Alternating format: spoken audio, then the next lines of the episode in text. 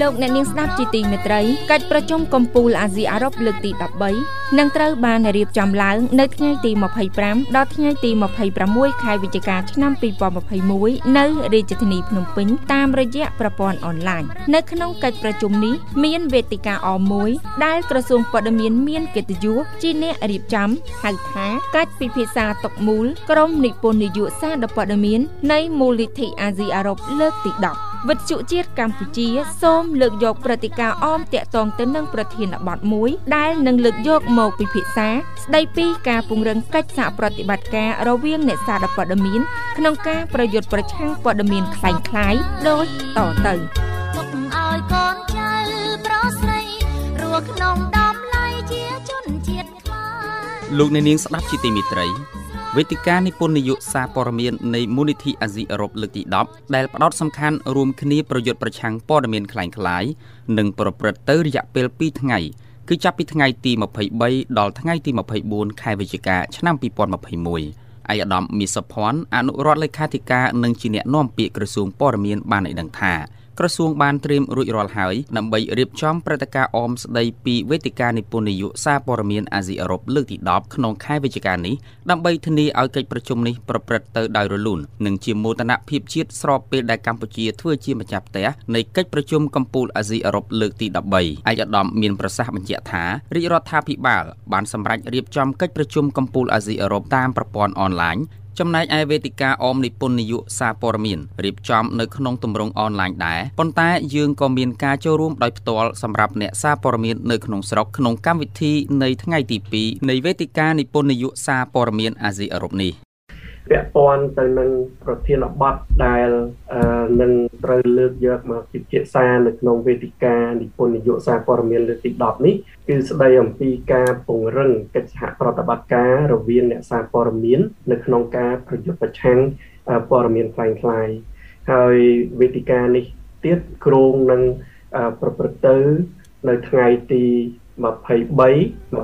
24ខែវិច្ឆិកាខាងមុខនេះតាមរយៈប្រព័ន្ធវីដេអូនិងតាមរយៈការជួបប្រជុំផ្ទាល់កន្លែងនេះខ្ញុំសូមអនុញ្ញាតបញ្ជាក់បន្តិចវេទិការបស់យើងមានរយៈពេល2ថ្ងៃនេះគឺយើងរៀបចំឡើងនៅក្នុងទម្រង់បែបរូបវ័ន្តមានន័យថាជួបជុំផ្ទាល់ ហើយនឹងបែបនិមិត្តមានន័យថាជាការជួបជុំតាមប្រព័ន្ធអនឡាញគឺនិពន្ធនយោបាយសារព័ត៌មានដែលលោកអញ្ជើញមកពីបណ្ដាប្រទេសនៅក្នុងតំបន់អាស៊ីនិងតំបន់អឺរ៉ុបលោកនឹងចូលរួមនៅក្នុងវេទិកានេះតាមប្រព័ន្ធអនឡាញដោយឡែកសម្រាប់អ្នកសារព័ត៌មានក្នុងស្រុករបស់យើងនឹងចូលរួមដោយផ្ទាល់នៅក្នុងទីកន្លែងមួយដែលក្រសួងព័ត៌មាននឹងរៀបចំដើម្បី ជួបប្រជុំនៅក្នុងវេទិកាលើកទី10នេះផងដែរក្នុងកិច្ចសម្ភាសជាមួយវិទ្យុជាតិកម្ពុជាកញ្ញាខនចម្ប៉ាក្នុងនាមជាអ្នកសារព័ត៌មាននិងជានិពន្ធនាយករងនៃសារព័ត៌មានថ្មីៗបានរៀបរាប់ថានៅក្នុងប្រទេសកម្ពុជាយើងកើតមានឡើងនៅព័ត៌មានคล้ายៗការប្រឌិតព័ត៌មានមួយចំនួនតាមប្រព័ន្ធផ្សព្វផ្សាយនានាជាដើមជាពិសេសនៅតាមបណ្ដាញសង្គមនេះតែម្ដង តកតងទៅនឹងស្ថានភាពព័ត៌មានคล้ายៗនៅក្នុងប្រទេសកម្ពុជាគឺយើងក៏សង្កេតឃើញដែរថាវាមានកើតឡើងជាហូរហែនៅក្នុងរូបភាពផ្សេងផ្សេងគ្នាទាំងជារូបភាពទាំងជាវីដេអូដែលមិនពិតការកាត់តការច្នៃប្រឌិតរូបភាពវីដេអូឬក៏ការច្នៃសំឡេងកាត់ចុះឡើងហើយផ្សព្វផ្សាយតាមប្រព័ន្ធផ្សព្វផ្សាយនានាវាមាននៅក្នុងប្រទេសកម្ពុជាយើង និពន្ធនាយករងរូបនេះបានបង្ហាញចំណាប់អារម្មណ៍ចំពោះវេទិកានិពន្ធនាយកសារព័ត៌មានអាស៊ីអឺរ៉ុបលើកទី10យ៉ាងដូចនេះថា ចាអ្នកកសែតកម្ពុជាយើងនឹងគឺបានស្វែងយល់ពីទស្សនវិជ្ជានៃវិស័យសារព័ត៌មាននៅក្នុងតំបន់អឺរ៉ុបក៏ដូចជានៅតំបន់អាស៊ីផងដែរក៏ដូចជាចារបៀបធ្វើការរបស់អ្នកកសែតអន្តរជាតិជាពិសេសនៅក្នុងការប្រយុទ្ធប្រឆាំងនឹងព័ត៌មានคล้ายៗក្នុងបរិបទដែលដូចយើងដឹងស្រាប់ហើយថាវិស័យបច្ចេកវិទ្យានៅក្នុងពេលបច្ចុប្បន្ននេះកាន់តែរីកចម្រើនទៅរីកចម្រើនទៅម្ល៉េះហើយការរីកសាយភាយក៏ដូចជាការបង្កើតព័ត៌មានคล้ายៗហ្នឹងគឺវាមានល្បឿន ឿននលឿនលឿនខ្លាំងមែនតែនដែលយើងពិបាកនៅក្នុងការទប់ស្កាត់មិនតែប៉ុណ្ណោះយើងនិយាយដោយឡែកតកតងទៅនឹងក្រសួងព័ត៌មានដែលជាអ្នកសម្របសម្រួលនៅក្នុងការរៀបចំវេទិកានិពន្ធនយោបាយ ចាសារព័ត៌មានអាស៊ីអឺរ៉ុបលើកទី10នេះនឹងទទួលបានបទពិសោធន៍បន្ថែមទៀតនៅក្នុងការរៀបចំព្រឹត្តិការណ៍អន្តរជាតិដ៏សំខាន់មួយនេះពីព្រោះអីវាជាឱកាសចាបង្ហាញថាក្រសួងព័ត៌មានក៏ដូចជាកម្ពុជាយើងមានចាមានលទ្ធភាពមានសមត្ថភាពនៅក្នុងការរៀបចំព្រឹត្តិការណ៍សំខាន់សំខាន់ជាពិសេសគឺនៅក្នុងបរិបទនៃការរីករាលដាលនៃជំងឺ Covid-19 បើតាមកញ្ញាខនចម្ប៉ាបានប្រាប់វិទ្យុជាតិកម្ពុជាថា អធិពលនៃព័ត៌មានคล้ายៗប៉ះពាល់យ៉ាងធ្ងន់ធ្ងរដល់សង្គមជាតិតើប៉ះពាល់អ្វីខ្លះដល់សង្គមនោះសូមស្ដាប់ការបកស្រាយរបស់និពន្ធនាយករងនៃសារព័ត៌មានថ្មីៗ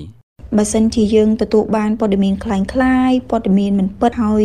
យើងជឿទៅលើព័ត៌មានមិនពិតទាំងអស់នោះវាអាចជះឥទ្ធិពលខ្លាំងក្លាទៅដល់ការសម្រេចចិត្តទៅដល់ការរស់នៅប្រចាំថ្ងៃរបស់យើងជាក់ស្ដែងថាឧទាហរណ៍ថាបើសិនជាយើងទទួលបាននៅព័ត៌មានមិនពិតព័ត៌មានคล้ายៗវាដូចជាយើងលេបថ្នាំខុសអញ្ចឹងនៅពេលដែលយើងលេបថ្នាំខុសវាអាចប៉ះពាល់ទៅដល់សុខភាពបើធ្ងន់ធ្ងរមែនទែនវាអាចប៉ះពាល់ទៅដល់អាយុជីវិតថែមទៀតចាំមិនត្រឹមតែប៉ុណ្ណោះទេក៏វាខាតទាំងថវិកាពេលវេលារបស់យើងថែមទៀត តទៀតផងនិពន្ធនាយករងនៃសារព័ត៌មានថ្មីថ្មីយល់ឃើញថា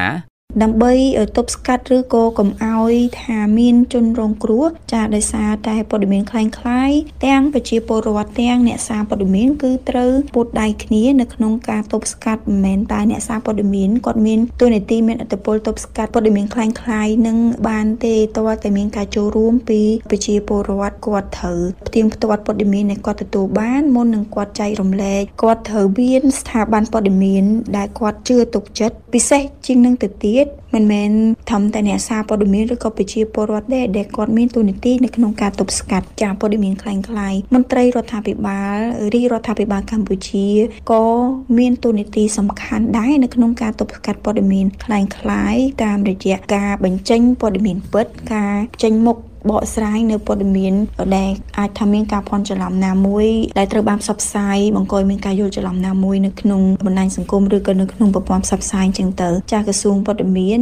ដែលជាសេនាធិការរបស់រដ្ឋាភិបាលនឹងគឺត្រូវតែដាក់ទោសទណ្ឌក៏ដូចជាមានវិធានការបន្ទាន់ណាមួយទៅលើបុគ្គលឬក៏អ្នកណាដែលរកឃើញថាបានបង្កើតនៅព័ត៌មានคล้ายៗទាំងអស់នឹងមានចេតនាបង្កនៅចលាចលបង្កើត នៅភាពវឹកវរឬក៏ធ្វើឲ្យមានការភ័ន្តច្រឡំនៅក្នុងមតិសាធារណៈ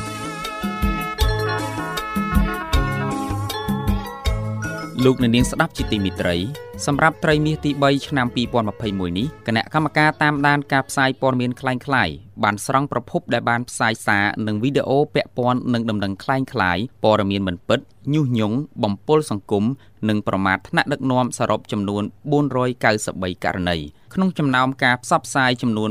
493ករណីនោះគឺមានការផ្សាយញុះញង់រិះគន់រាជរដ្ឋាភិបាលប្រឌិតបំភ្លៃការពិតនិងបំពុលសង្គមចំនួន322ករណីប្រមាថព្រះមហាក្សត្រនិងថ្នាក់ដឹកនាំចំនួន161ករណីព័ត៌មានមិនពិតនិងបំពុលសង្គមចំនួន នន10ករណីបើប្រៀបធៀបនឹងត្រីមាសទី2ឆ្នាំ2021គឺមានការកើនឡើងចំនួន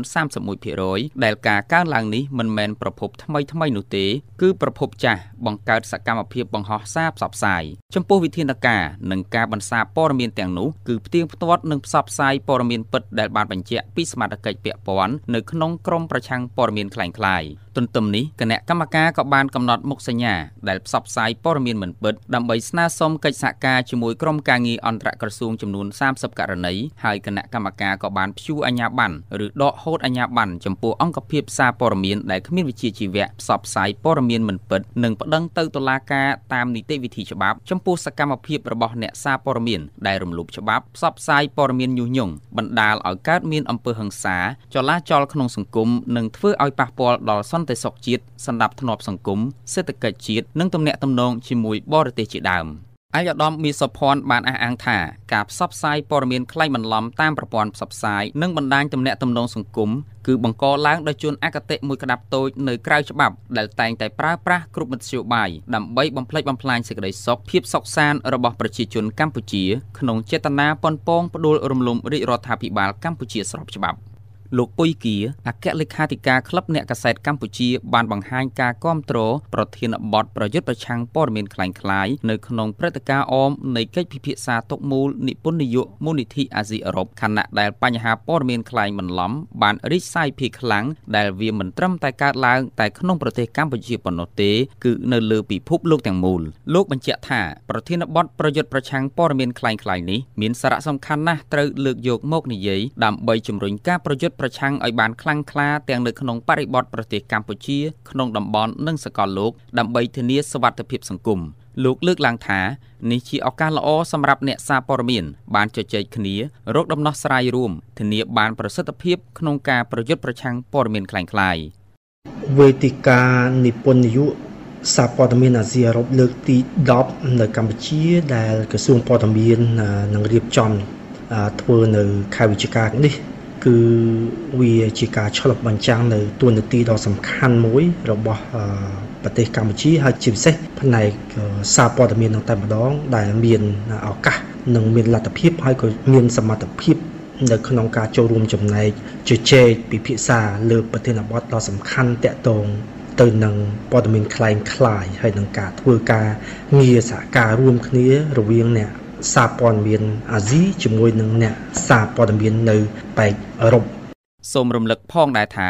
វេទិកានិពន្ធនយោសារព័ត៌មាន បានធ្វើឡើងក្រោមកិច្ចសហការរួមគ្នារវាងក្រសួងព័ត៌មាន និងមូលនិធិអាស៊ីអឺរ៉ុបវេទិកានិពន្ធនយោសារព័ត៌មានបើគិតត្រឹមឆ្នាំ2020នេះគឺជាព្រឹត្តិការណ៍លើកទី10បន្ទាប់ពីកិច្ចប្រជុំអាស៊ីអឺរ៉ុបបានបើកកិច្ចប្រជុំជាលើកដំបូងរបស់ខ្លួនកាលពីឆ្នាំ1996ក្នុងទីក្រុងបាងកកប្រទេសថៃកិច្ចប្រជុំកំពូលអាស៊ីអឺរ៉ុបលើកទី13នឹងត្រូវបានរៀបចំឡើងនៅថ្ងៃទី25ដល់ថ្ងៃទី26ខែវិច្ឆិកាឆ្នាំ2021នៅរាជធានីភ្នំពេញតាមរយៈប្រព័ន្ធអនឡាញដោយមានការអញ្ជើញចូលរួមពីថ្នាក់ដឹកនាំកំពូលកំពូលនៃបណ្ដាប្រទេសចំនួន51ដែល30ប្រទេសមកពីទ្វីបអឺរ៉ុបនិង21ប្រទេសមកពីទ្វីបអាស៊ីរួមទាំងតំណាងមកពីសហភាពអឺរ៉ុបនិងអគ្គលេខាធិការអាស៊ានខ្ញុំបាទភួងឈុនលៀងវិទ្យុជាតិកម្ពុជា